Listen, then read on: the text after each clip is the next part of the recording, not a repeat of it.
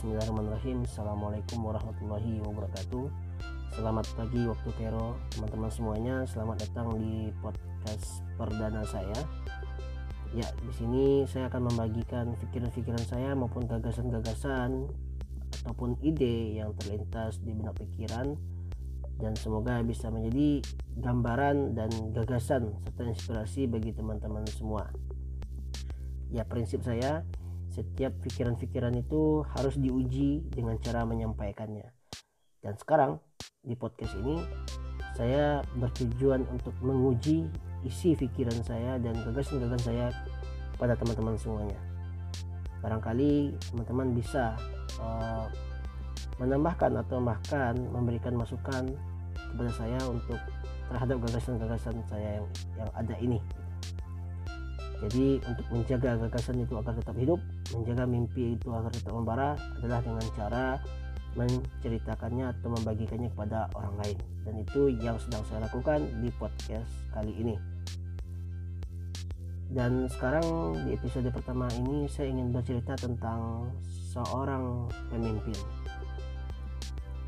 Teman-teman tahu ketika kita mendengar kata pemimpin pasti ada kalimat organisasi yang terbetik di, di benak kita semua. Yang terbesit di benak kita semua.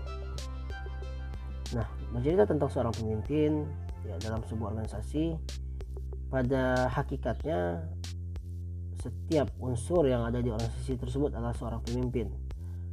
Jadi uh, ada salah kaprah di masyarakat kita ya.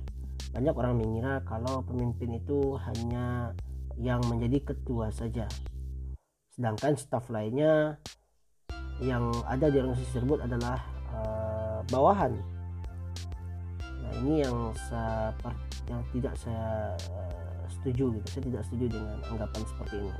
Karena bagi saya pribadi pemimpin di organisasi itu adalah semua orang yang terlibat dalam pergerakan organisasi tersebut. Mulai dari ketua sekretaris bendahara ketua divisi, staf divisi, bahkan anggota organisasi tersebut adalah pemimpin bagi organisasi, di sana.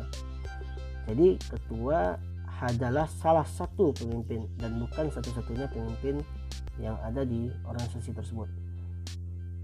Apakah bisa ketua itu bergerak sendiri tanpa bantuan dari anggota-anggota yang ada dalam eh, organisasi tersebut? Mustahil, tidak akan bisa sehebat-hebat apa pun seorang ketua dia tidak akan bisa bergerak sendiri. Dia butuh kepada temannya partnernya untuk mencapai tujuan bersama. Itulah yang perlu kita pahami dalam sebuah organisasi. Karena di organisasi kita memiliki satu visi satu misi dan satu mimpi yang akan kita tuju bersama. Maka semuanya bergerak untuk menggapai itu semua semua bergerak untuk mencapai uh, misi dan visi tersebut maka seorang ketua harus pandai menggerakkan dan menginspirasi orang lain untuk bergerak di bawah uh, komandonya. Tanda kamu itu ada seorang pemimpin, kamu bisa menggerakkan orang lain dan menginspirasi orang lain untuk jalan bergerak menuju mimpi dan tujuan kita. Jika kamu tidak bisa menggerakkan orang lain, ya maka kamu belum bisa disebut seorang pemimpin. Maka pemimpin itu mulai dari diri kamu sendiri ataupun mulai dari lingkungan kamu kamu bisa kok belajar jadi seorang pemimpin yang baik dan benar. Menjadi seorang pemimpin itu uh, hanyalah butuh banyak latihan. Makanya jika kamu bermimpi ingin menjadi seorang pemimpin maka kamu harus latihan dari sekarang di organisasi ataupun di komunitas yang ada di lingkunganmu